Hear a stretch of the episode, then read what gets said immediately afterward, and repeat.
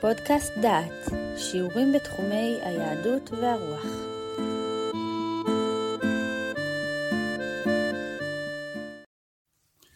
אתם מאזינים לפודקאסט דעת, לפרק בקורס רבי נחמן מברסלב, חייו וסיפוריו. אנחנו עכשיו בסדרה של שלוש שיחות שעניינם מסע אל גבול השפיות.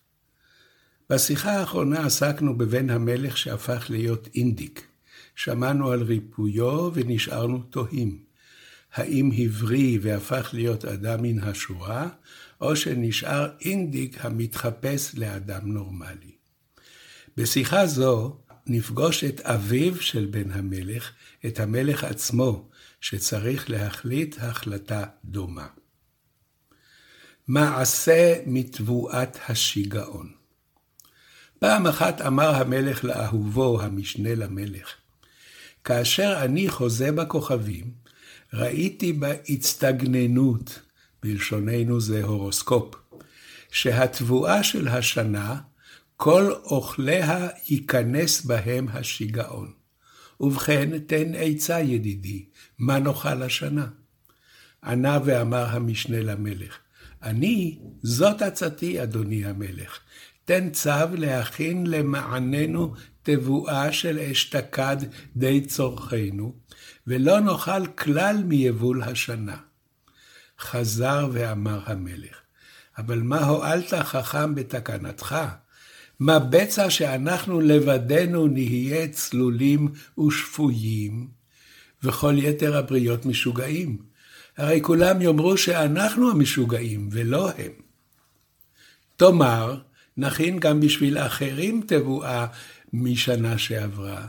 אין אנו מספיקים לעשות זאת. ובכן, מה עצתך, אדוני המלך? שאל המשנה. ענה המלך ואמר, אני, ידידי אהובי, עצתי, אין לנו ברירה אלא לאכול גם אנחנו מן התבואה של השנה, ולהיות משוגעים יחד עם כל העולם.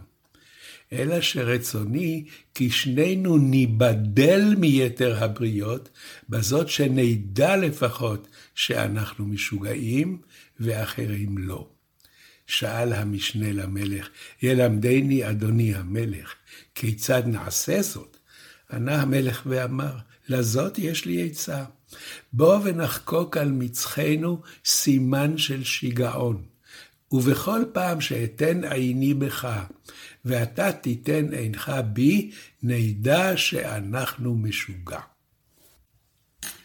סיפור התבואה המשוגעת הוא סיפור המעמיד במבחן שאלה גורלית. מה כוחו של הרוב בשאלות מצפון, ערכים והבנת המציאות?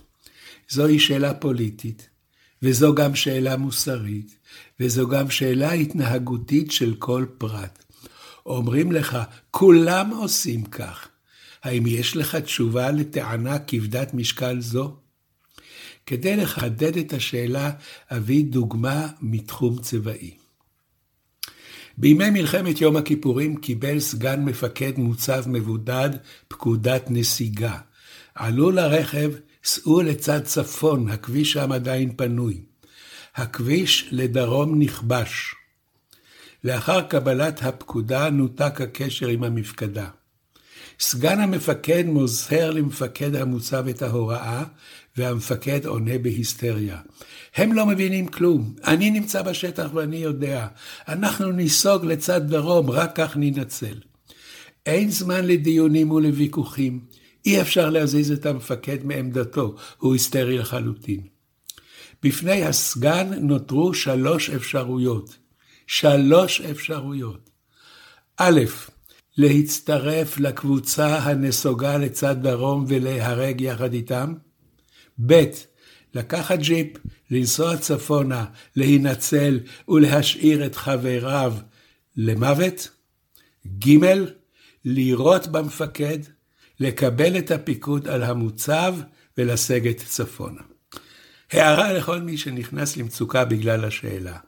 הסיפור הזה לא קרה, זו בדיה שהמצאתי לצורך הדיון בשאלה מיהו משוגע ומיהו נורמלי. בהמשך נבדוק את האפשרויות השונות העומדות בפני מלך שנותר נורמלי יחיד במדינתו. ועכשיו נשמע עוד וריאציות לסיפור הזה מקצות תבל, ממקומות שונים, מארצות שונות. הגרסה הבאה, האם העולם משוגע? גרסה הודית. אגדת עם הודית מספרת על מלך שחלם, שכל מי שישתה ממי הנהר ישתגע. כינס המלך את יועציו לטכס עצה. זקן החכמים הציע להביא למלך ולאנשי חצרו מים שאינם נגועים בשיגעון. ציווה המלך להסיר את ראשו של זקן החכמים. שנים נטל משכורת על תקן של חכם המלכות, וכעת מציע עצה מטופשת. אם ישתו המלך ומקורביו מים רגילים, יחשבו הם למשוגעים בעיני בני עמם. הנהר בסיפור ההודי, נהר הגנגס הוא. הגנגס הקדוש הוא מרכז רוחניות וגשמיות. אפר המתים מושלך למי הנהר ומתערב בו. בתוך מדמנת מימיו הנרפשים, טובלים נזירים מתקדשים. ופרות קדושות מטילות בשלווה את צואתן למים הזורמים לאיתם בשלווה מזרחית. הנהר הוא מעיין החיים של הודו. מן המעיין הזה שתו אבותיו של המלך ואבות אבותיו. מתברר שרוח חדשה ואחרת מהלכת על פני המים. עוד מעט ומעיין החיים הזה יוליך את כל השבט, את כל העם, לשיגעון. הסיפור מתנהל בשלווה סטואית, מתוך אפתיה ניהליסטית ואופורטוניסטית. יהיה שינוי, אז מה? מה שהיה לא חשוב יותר ולא אמיתי יותר ממה שיהיה. אין טעם להתנגד לזרם הנהר הסוחב. נשתגע כולנו, ונהיה כולנו נורמליים בעיני עצמנו. השיגעון יהיה הנורמה. לכן המשוגעים הם הנורמליים. אין אמת מוחלטת, אין שפיות מוחלטת.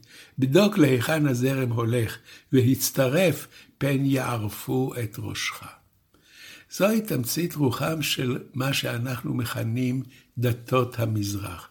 אין שום דבר ששווה למות למענו, ואין שום דבר ששווה להתעקש למענו, הכל זורם. אבל אם אין שום דבר ששווה למות למענו, האם יש דבר ששווה לחיות למענו? ואנו עוברים לגרסה נוספת של הסיפור, גרסה לבנונית. האם העולם משוגע? גרסת ג'ובראן. תכף אספר מיהו ג'ובראן זה. פעם שלט בעיר הרחוקה וירני מלך רב עוצמה וחכם. ירא העם מפני עוצמתו ואהב את חוכמתו. באר אחת ויחידה הייתה בעיר, שמימיה היו קרירים וצלולים, וממנה שתו כל התושבים וגם המלך ואנשי חצרו. לילה אחד, שעה שכולם היו בשינה, חדרה מכשפה לעיר. טפטפה שבע טיפות לתוך הבאר ואמרה, מרגע זה, כל אשר ישתה מהמים יהפוך למשוגע. למחרת בבוקר שתו כל התושבים, מלבד המלך וראש שריו, ממי הבאר והפכו למשוגעים, כפי שניבאה המכשפה. כל אותו יום לא עשו אנשי העיר דבר, מלבד ללחוש זה באוזני זה, בסמטאות ובכיכר השוק. המלך משוגע, המלך שלנו וראש שריו איבדו את שפיות דעתם.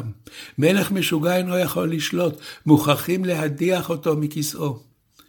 באותו ערב ציווה המלך למלא קנקן זהב במי הבאר.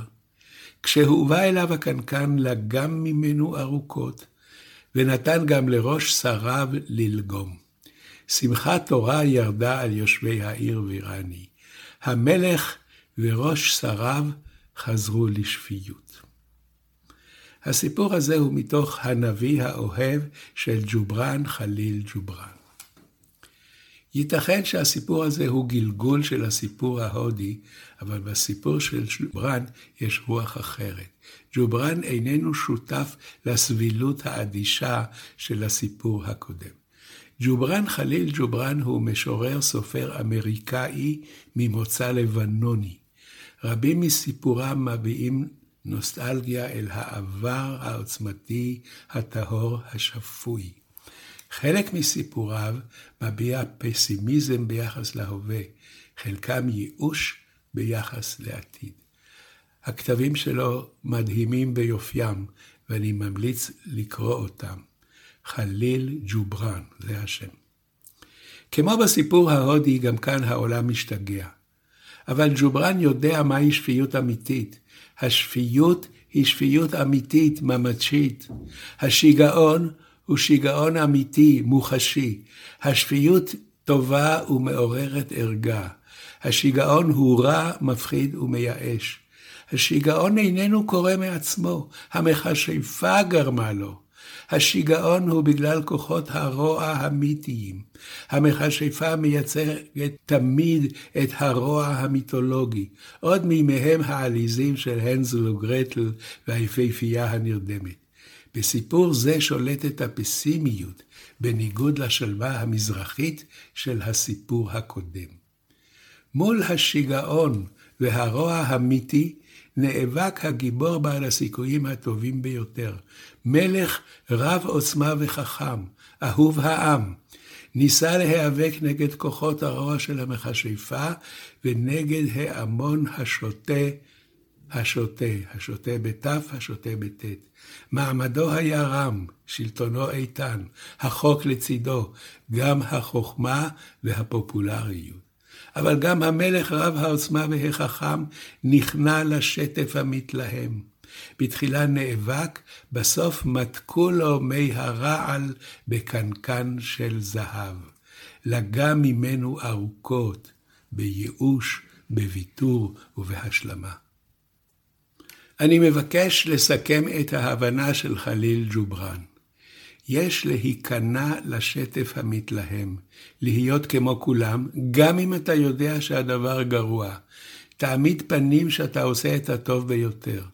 המלך שותה מקנקן של זהב את מי השיגעון. קראנו עד עכשיו שלוש תשובות לשאלה שלפנינו. תשובה ראשונה, יאכלו המלך וראש השרים מהתבואה המורעלת, אבל יסמנו את עצמם כדי שידעו שהם משוגעים. תשובה שנייה, לא מתנגדים, לא מתכננים, משאירים לנהר לזרום ולשוטים לשתות. מה שיהיה, יהיה, אין מתנגדים לגורל. תשובה שלישית, להיאבק. ואם אי אפשר לשנות את המציאות, להעמיד פנים שכך טוב וכך צריך להיות, ולשתות את הרעל מקנקן של זהב. נסכם שוב, קראנו את הסיפור של רב נחמן. על התבואה המשוגעת, וקראנו שני סיפורים מקבילים על המים המשגעים. אנחנו חוזרים לרב נחמן ונראה שהוא מציע הצעה נוספת, הכי דרמטית.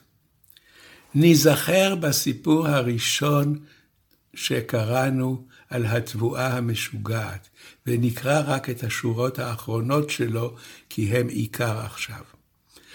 מה שאומר המלך, על כן בוודאי נצטרך גם כן לאכול מהתבואה, אבל רק זה שנסמן סימן על מצחנו, שנדע על כל פנים שאנחנו משוגע, שאם אהיה מסתכל על מצחך, וכן כשתסתכל על מצחי, נדע מהסימן שאנחנו משוגע. זה הסיום של הסיפור הראשון. רב נחמן חשב שהעולם משתגע. ליתר דיוק, שהעולם מוליך לשיגעון על פי טיבו. אמירה ברורה יש בפי רבי נחמן, השפיות היא אבסולוטית והשיגעון הוא אבסולוטי. גם אם כל העולם משוגע, השיגעון נשאר שיגעון. זה לא כך שהרוב הוא הנורמלי. השיגעון הוא שיגעון גם אם הוא של הרוב. נפרש את הסיפור על פי הסימבוליקה של רבי נחמן. את השיגעון גורמת התבואה, האוכל, העולם הגשמי, החומריות. המים אינם גורמים לשיגעון, אין מים אלא תורה. אין לך שיגעון אלא בחיים הגשמיים. אין לך בן חורין מן השיגעון, אלא מי שעוסק בתורה. אנחנו רוצים שלא לאכול את התבואה, את הגשמיות המשגעת, אבל לפעמים אי אפשר לשרוד כפי שהיינו רוצים. לפעמים אין ברירה אלא להיסחף בזרם. יש גלים שאי אפשר לעצור אותם. כיצד נתמודד עם הגל העכור הבא לסחוף אותנו? במצב כזה צריך להיות בעל תודעה כפולה. מצד אחד להיות חלק מן המשחק, חלק מהשיגעון, מצד שני להכין תזכורת שתזכיר לנו שיש אמת שאיננה ניתנת לערעור, שיש אי שם שפיות. גם אם איננו ניצבים על שתי רגלינו בעולם השפוי, התודעה קושרת אותנו אליו. בחר רבנו מקום מוזר לסמן בו את השפיות והשיגעון, הסימן על המצח, מקום שהמסומן אינו רואה אותו, רק חברו רואה. הזכיר לנו רבנו את הכוח של החברות, של החבורה. אדם אינו יכול לעמוד לבדו מול הזרם, צריך קבוצת תמיכה, קהילה, צריך חבר. ועכשיו נשמע גישה שנייה הפוכה, גם היא על פי רב נחמן. גרסה שנייה של המעשה בתבואת השיגעון זרמה והתגלגלה במשך שנים, וכמו כולנו עברה שינויים. והנה הנוסח החדש. סיפר רבנו משל לכך שצריך לעבוד את השם יתברך במסירות נפש, גם אם ייראה כמשוגע. וכבר אמרו רבותינו, שמי שרוצה לסור מן הרע, נדמה כמשוגע. פעם אחת חלם מלך אחד, שכל התבואה שצמחה במדינתו התקלקלה, ומי שיאכל ממנה ישתגע חס ושלום, והתייעץ עם המשנה למלך מה לעשות. יעץ אותו המשנה למלך, שבדלית ברירה מחויבים לאכול מהתבואה הקלוקלת, בהתאימו כי לאגור תבואה בריאה לכל בני המדינה אין אפשרות, ואם יאגרו רק להם לעצמם, זאת אומרת למלך ולמשנה למלך, והם יאכלו רק תבואה בריאה וטובה, הרי אז יהיו הם המשוגעים בעיני בני המדינה, כי יהיו משונים מכל בני המדינה. על כן אין שום ברירה אלא לאכול תבואה קלוקלת. אולם נעשה לעצמנו סימן שנדע שמשוגעים אנו. עד כאן זה כמו הסיפור הקודם. ועכשיו תפנית. שימו לב, רב נחמן מציע פתרון חדש שלא הופיע בכל הסיפורים הקודמים ששמענו. אני ממשיך את הסיפור. לא הסכים עמו המלך וטען ואמר, ואם בני המדינה יהיו משוגעים, גם אנחנו נהיה משוגעים כמותם, ונעשה דבר שיגעון כזה לאכול תבואה משגעת? לא ולא. אנו נאגור מהתבואה הבריאה ונאכל אותה. ואם נדמה כמשוגעים בעיני בני המדינה, מה בכך? וכי בשביל כך נאכל תבואה משוגעת? ועכשיו מביא רב נחמן את הנמשל של הסיפור שלו, שהרי הסיפור שלו תמיד כולל בתוכו מוסר השכל. ממשיך רב נחמן ואומר, כמו כן בעבודת השם יתברך, אם בני המדינה מתנהגים שלא כהוגן, ורודפים אחר כבוד וממון מדומה, ואינם חושבים על ימיהם ושנותיהם הפורחים ועוברים להבל ולריק, וכי נעשה כמותם? לא ולא. נאגור לעצמנו תבואה בריאה, היא התורה והתפילה והמוסר, כדי שיהיה לנו כוח וגבורה לעמוד כנגד הרגליהם המשוגעות. הסיפור הזה מציע פעם ראשונה מכל מה שקראנו, ללכת נגד הזרם, להיות שפוי ולא להתבייש, לדרך בדרך הפשוטה והישרה, בדרך החד משמעית. נזכור, הפתרון הזה פשטני וקל מדי, אך פתרון הזה הוא הולם ומתאים בזמנים המתאימים לאנשים המתאימים. דווקא היום החברה הפוסט-מודרנית, הפלורליסטית, אינה אוהבת דברים חד-משמעיים, לכן היא מאפשרת לנו את הפתרון החד-משמעי הזה בקלות יחסית. לא להיות כמו כולם, ואחרים יכילו אותנו. האם עולמנו משוגע? כולם אומרים כך. כל אינטלקטואל וכל מר נפש, כל הדיוט וכל אידיוט, כל עיתונאי וכל שדרן, כל סלבריטי וכל עובד קבלן, כולם אומרים זאת. אומרים וקורצים, אומרים ומפהקים, אומרים וממהרים לצחוק כל הדרך אל הבנק. מסבירים וממהרים בדרך לשדה התעופה, כי צריך להספיק לדיוטי פרי. תוכיח לי שהעולם משוגע. פגישה זו נערכה על פי מאמר מאת הרב קלמנסון.